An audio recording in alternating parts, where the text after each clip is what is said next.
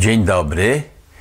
No jestem kolorowy, nie? Czyli jestem z Karaibów, jestem latino, jestem amerykański taki w stylu Reagana, a pod spodem jeszcze do tego jestem z Ciemnogrodu i to było stare hasło z czasów WC Kwadransa, na koszulkach noszone. Ono teraz odżyło, ludzie zaczęli prosić o wznowienie, a to WC Kwadransa, a to koszulek. No to koszulki na razie wznowiłem, a WC Kwadrans zastanawiam się. No to, co się dzieje teraz, to w zasadzie w zasadzie nie muszę wznawiać, mogę puścić stare odcinki.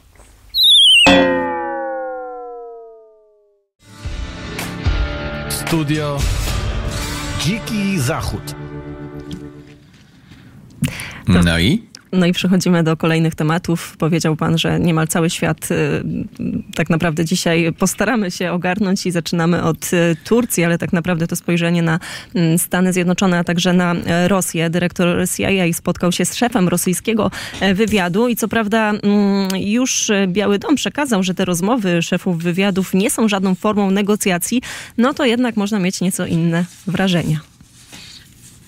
Znaczy, to co oni mówią publicznie, to w ogóle trzeba w to nie wierzyć od początku do końca. To jest bezpieczniejsza opcja niż wierzyć. Politycy, a nie mogą wszystkiego powiedzieć, albo nie chcą, albo kłamią, więc bezpieczną opcją jest ignorować, co oni mówią i patrzeć tylko na to, co na pewno wiemy. No, wiemy na, na pewno, że się spotkali. Dyrektor służby wywiadu zagranicznego Rosji pojechał. E, to, to jest dla mnie ciekawe. Ja analizuję każde słowo. Dyrektor służby wywiadu i zagranicznego pojechał na negocjacje z Amerykanami. E, no wiadomo, że na tym poziomie nie wysłali prezydentów ani ministrów spraw zagranicznych, tylko służby wywiadu zagranicznego się spotkać musiały, bo po amerykańskiej stronie usiadł ktoś, kto jest w stanie jak równy z równym rozmawiać ze służbą wywiadu zagranicznego Rosji. E, I teraz pytanie, czy Putin nie miał nikogo innego, komu ufa? E, no bo akurat tam G20 czy coś tam się spotyka i w związku z tym Ławrow może był zaangażowany gdzie indziej. Czemu on wysyła służbę wywiadu zagranicznego akurat? E, to to jest ciekawe. Czy to jest działanie Putina? Czy może materia sprawy dotyczy takich rzeczy, że potrzebny był akurat ten typ fachowca?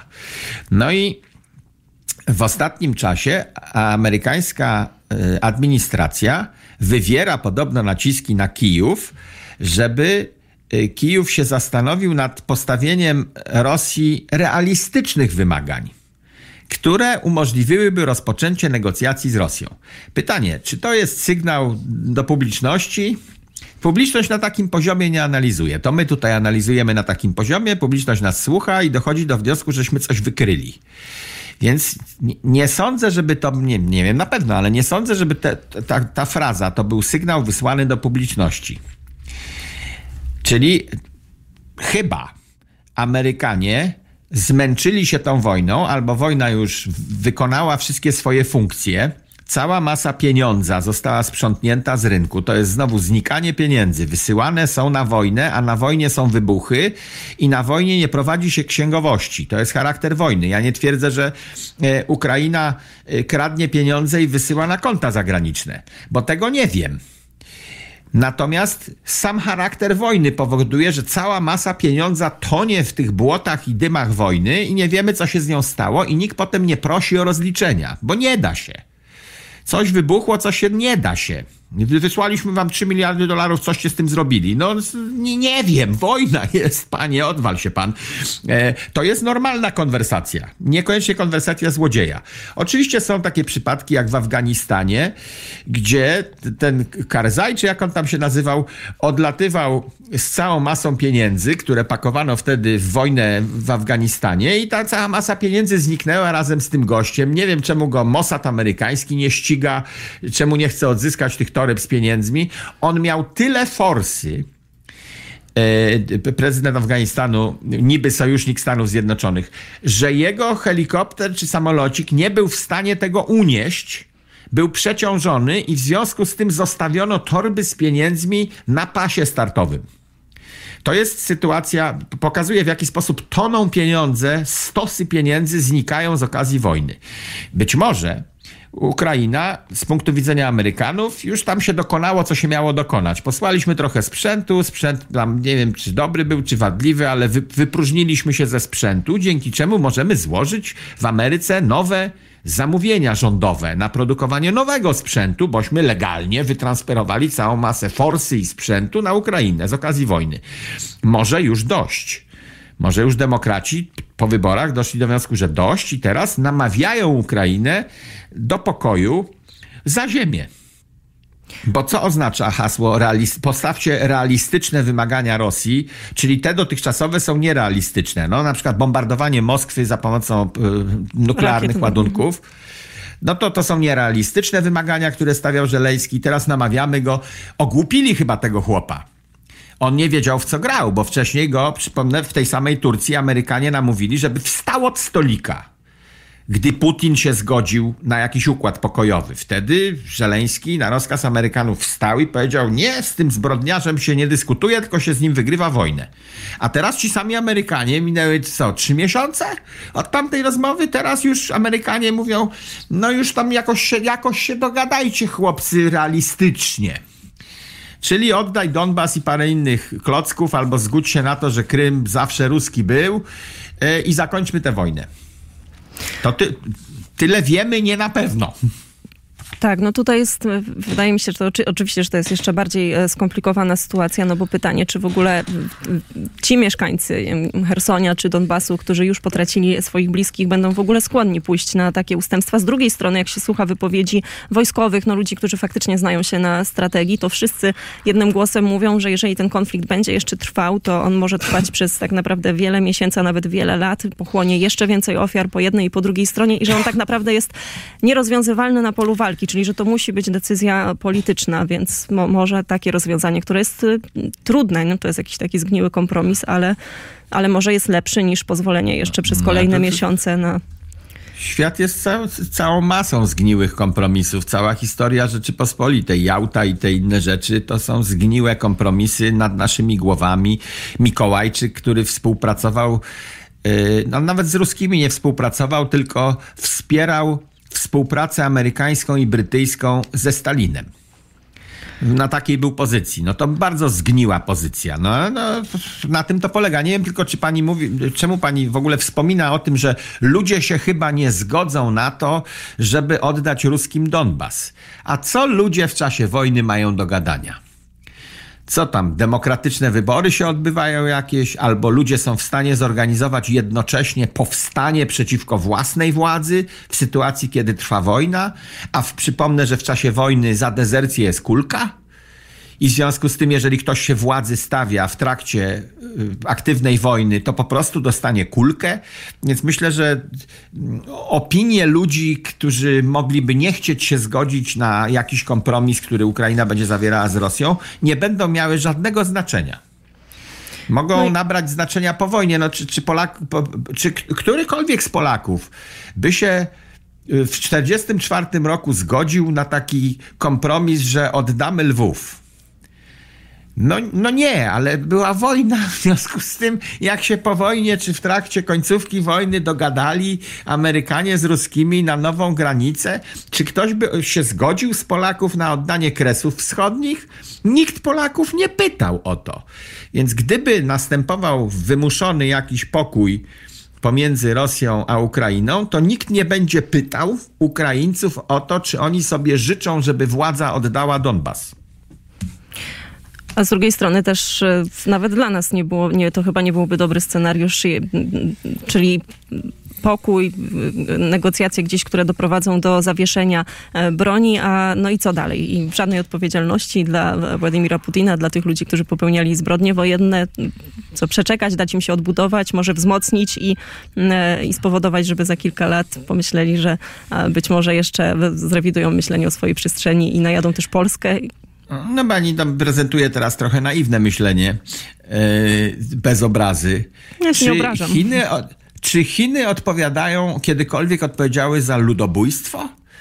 Yy, w czasie rewolucji kulturalnej na przykład? Czy ktokolwiek żąda od Chin, żeby coś? Ale czy to dobrze? Zbrodniarze, zbrodniarze albo popełniają samobójstwo, tak jak Hitler w bunkrze, albo uciekają sobie do Argentyny, jeżeli im się uda. Y, no albo dożywają późnej starości, jak ich Beria otruje, czy ktoś tam. Stalin przecież był dużo większym zbrodniarzem międzynarodowym niż Hitler. Jeżeli patrzeć, patrzeć na miliony istnień ludzkich, to Stalin się w grobie przewraca, że Hitler jest najbardziej popularnym diabłem na kuli ziemskiej w sytuacji, gdy Stalin zrobił wszystko, żeby być bardziej popularnym diabłem. No Stalin to tam jakieś dziesiątki milionów ponad tym, co wykonał Hitler i Stalin przez wiele lat męczył ludzi. I cały czas Hitler jest najbardziej popularnym charakterem w historii świata. E, I co? I ze Stalinem robiliśmy interesy, Zachód robił interesy do końca życia Stalina. Więc myślenie w takich kategoriach, że Putin musi odpowiedzieć, no gdyby tutaj był sąd Boży, to odpowie. Natomiast sąd ludzki jest bardzo często niesprawiedliwy i przymyka oko na pięść, na, na y, odpowiedzialność w związku z tym, że ktoś ma pięści. Putin nadal ma pięści, chociaż słabny, słabnie. Chiny słabną, Stany Zjednoczone słabną i tutaj taką, taką tezę stawiam, że to, co teraz obserwujemy, to jest słabnięcie, kurczenie się ga galaktyki, co grozi wielkim wybuchem, bo się zapada w czarną dziurę nasz świat. Tak, poprzez no, to, że słabną... słabną Chiny, Stany Zjednoczone i Rosja. Tak, ale na przykład nie słabną Indie. To jest bardzo ciekawe, a gospodarczo wręcz przeżywają Niech rozkwit. pani jedzie. Niech pani jedzie w tę stronę, jestem za. Tak, nie, no bo właśnie ma, mało mówi się o Indiach w kontekście te, tego wyścigu o hegemonię, bo jasne, że to jest pewnie jeszcze perspektywa 15, 20, być może 30 lat, ale one przeżywają tak samo szybki rozwój gospodarczy, jak mogliśmy zaobserwować u Chin. On teraz już jest przystopowany. E, teraz już mówimy o osłabnięciu Chin, natomiast no, Indie są tutaj, e, e, wydaje mi się, że warto spojrzeć w tę stronę. tak, Indie postawiły na zarabianie pieniędzy za pomocą produkcji ponieważ mają tanią siłę roboczą na poziomie właściwie chińskim, ta chińska siła robocza trochę drożeje, a, a w Indiach e, no, ciągle jest tanio i w tej chwili jak ktoś coś kupuje, e, to może rozważać, czy wolę zapłacić odrobinę drożej w Indiach za tej samej jakości towar, ale rozmawiam sobie po angielsku z kimś, do kogo mogę mieć większe zaufanie niż do Chińczyka, bo w Chinach cały czas jeszcze partia komunistyczna może zepsuć każdy interes z dnia na dzień. Czerwony przycisk subskrybuj, bardzo proszę wszyscy. Klik. Dzwonek obok, bardzo proszę wszyscy klik i opcja wszystkie powiadomienia, wszyscy klik jest piękna klika. A w tej chwili Indie weszły w to miejsce i pani wspomniała, że coś o hegemonii. Otóż Indie nie ubiegają się o światową hegemonię. One są komfortowe w tym miejscu, gdzie leżą, nie potrzebują dominować na Morzu Południowochińskim, nie ścigają się ze Stanami Zjednoczonymi na to, kto w kogo puknie mocniej albo kto komu rynek przejmie. Hindusi pracują na swój sukces gospodarczy w zasadzie w przyjaźni ze wszystkimi, poza China, Chiny, mają, Chiny mają żyłę na Indię. No i to jest ciekawa sytuacja. Chiny słabną, a Indie robią swoje. Tak, jest bardzo ja... ciekawe. No te, teraz, teraz te, oczywiście to jest tak, że skupiają się na rozwoju gospodarczym i faktycznie z nikim nie wchodzą na jakieś e, ścieżki wojenne, ale być może ta perspektywa się zmieni za 10 albo za 15 lat. E, nie wiem, czy to, to muszę z moim kumplem, który tam mieszka i pracuje i się dobrze zna na Indiach, pogadać, czy oni docelowo kiedykolwiek e, są w stanie wejść na taką ścieżkę e, imperium agresywnego Moim zdaniem tam jest coś takiego jak ta reinkarnacja, w którą oni wierzą i oni mają czas poczekać albo mówią, tu się skończy, a w następnym życiu będzie inaczej. To, to może zmieniać zupełnie ich sposoby myślenia. No może, ale z drugiej strony e, to jest chyba półtora miliarda umysłów, ogromne masy ludzkie, które i, i, i nie wiemy, nie? Może być tak, że wśród tego, tego półtora miliarda tych to umysłów pytanie, pojawią się... Mhm. Zapytam się, na następny tydzień będę znał odpowiedź. E, otóż, gdzie oni mają ambicje? To, to trzeba sprawdzić. Gdzie w, w Hindusach siedzi ambicja? Czy w tym, żeby pochłaniać, czy w tym, żeby być jak najlepszym? U Chińczyków, żeby pochłaniać. Żeby to pochłonąć cały świat. Niekoniecznie, żeby być najlepszym. Najlepszym się jest na rozkaz w Chinach. Natomiast Hindusi, jak się ścigają, to chcą nagród Nobla, chcą być najlepsi na uczelni. Ja tutaj obserwuję e, Hindusów, popierają się nawzajem, więc być może u nich ambicja jest w najlepszości, a nie w hegemonii. Ale to się dopiero dowiem na następny tydzień. Natomiast myśmy zaczęli rozmowę na ten temat, dlatego że według Organizacji Narodów Zjednoczonych, no to nie jest dobre źródło. To jest źródło podobne do Wikipedii. E, ale według danych pochodzących z Organizacji Narodów Zjednoczonych w 2023 roku, czyli w przyszłym roku, Chiny przestaną być najbardziej zaludnionym krajem świata. Na pozycję lidera wskoczą Indie. A czemu tak się stało e, w Chinach? Otóż Chiny przez cały lat miały nieludzką politykę jednego dziecka, czyli e, wkraczali bardzo głęboko w życie rodzinne.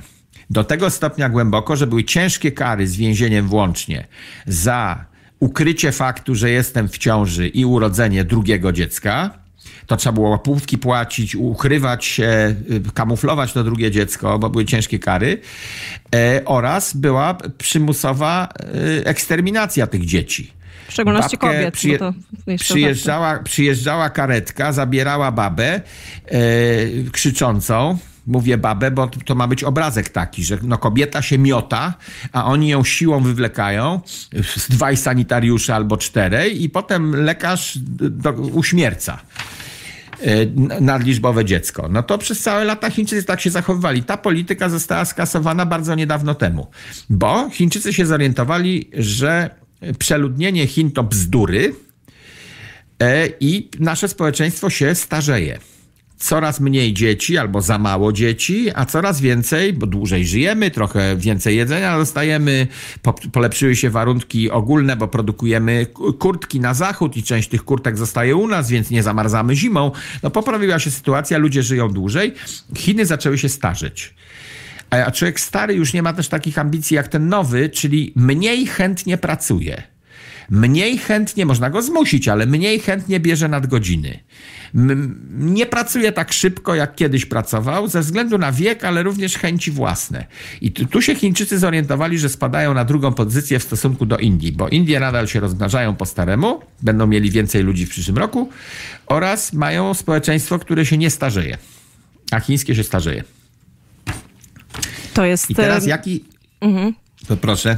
Pani się musi w, częściej wcinać. Nie, nie, bo chciałam tylko powiedzieć, że chyba jeszcze, jeszcze chyba w kinach jest też e, problem z większą ilością kobiet, bo faktycznie te, te, te aborcje, które tam były masowo robione, one częściej przypadały na, mm, na dzieci, na, na, na dziewczynki, które miały się rodzić po prostu, więc jest e, więcej mężczyzn. Czyli jest za mało kobiet, tak, chciała pani powiedzieć. Tak, tak, jest, tak, za, jest mało za mało kobiet, kobiet w stosunku do mężczyzn. Tak, to rodzi bardzo silne napięcia dużo mocniejsze niż sytuacja odwrotna. E, po jednej z wojen, którą Paragwaj wypowiedział Argentynie e, i Brazylii jednocześnie, chyba jakoś tam dwie obok siebie były wojny, e, w, Paragwaju, ponieważ wszyscy faceci poszli na wojnę, zrobiła się sytuacja, kiedy na jednego faceta przypadało 50 kobiet. I one się ustawiały w kolejce, nawet do, tam do 14-latków, byle upolować jakiegokolwiek chłopa to jest sytuacja, która rodzi mniej konfliktów niż jak, y, no nie wiem, 30 kobiet przypada na 60 mężczyzn. Wtedy wewnętrzne napięcia w społeczeństwie są dużo, dużo mocniejsze. Chłopy między sobą zaczynają się tłuc. Y, no i to jest sytuacja chińska. Bo chłopiec to tam po, po ich niemu wysoki status społeczny, jak masz syna, dziewczynka gorszy status społeczny, bo dziewczynkę trzeba wyposażyć, wysłać do ślubu i te pieniądze znikają potem, to tradycyjnie w Chinach, trzeba ją było wyposażyć oraz znikała z twojego domu. A chłopak przyciągał sobie dziewczynę z posagiem, czyli ekonomicznie patrząc woleli chłopca. Jest znowu krem do pięt, cedrowy z mocznikiem, z wyciągiem z yerba mate, no ten co Państwo notorycznie wykupują do podłogi, ciągle brakuje, bo fabryka nie nadąża robić. Chwilowo jest i nie starczy dla wszystkich. Cejrowski.com łamane przez kosmetyki.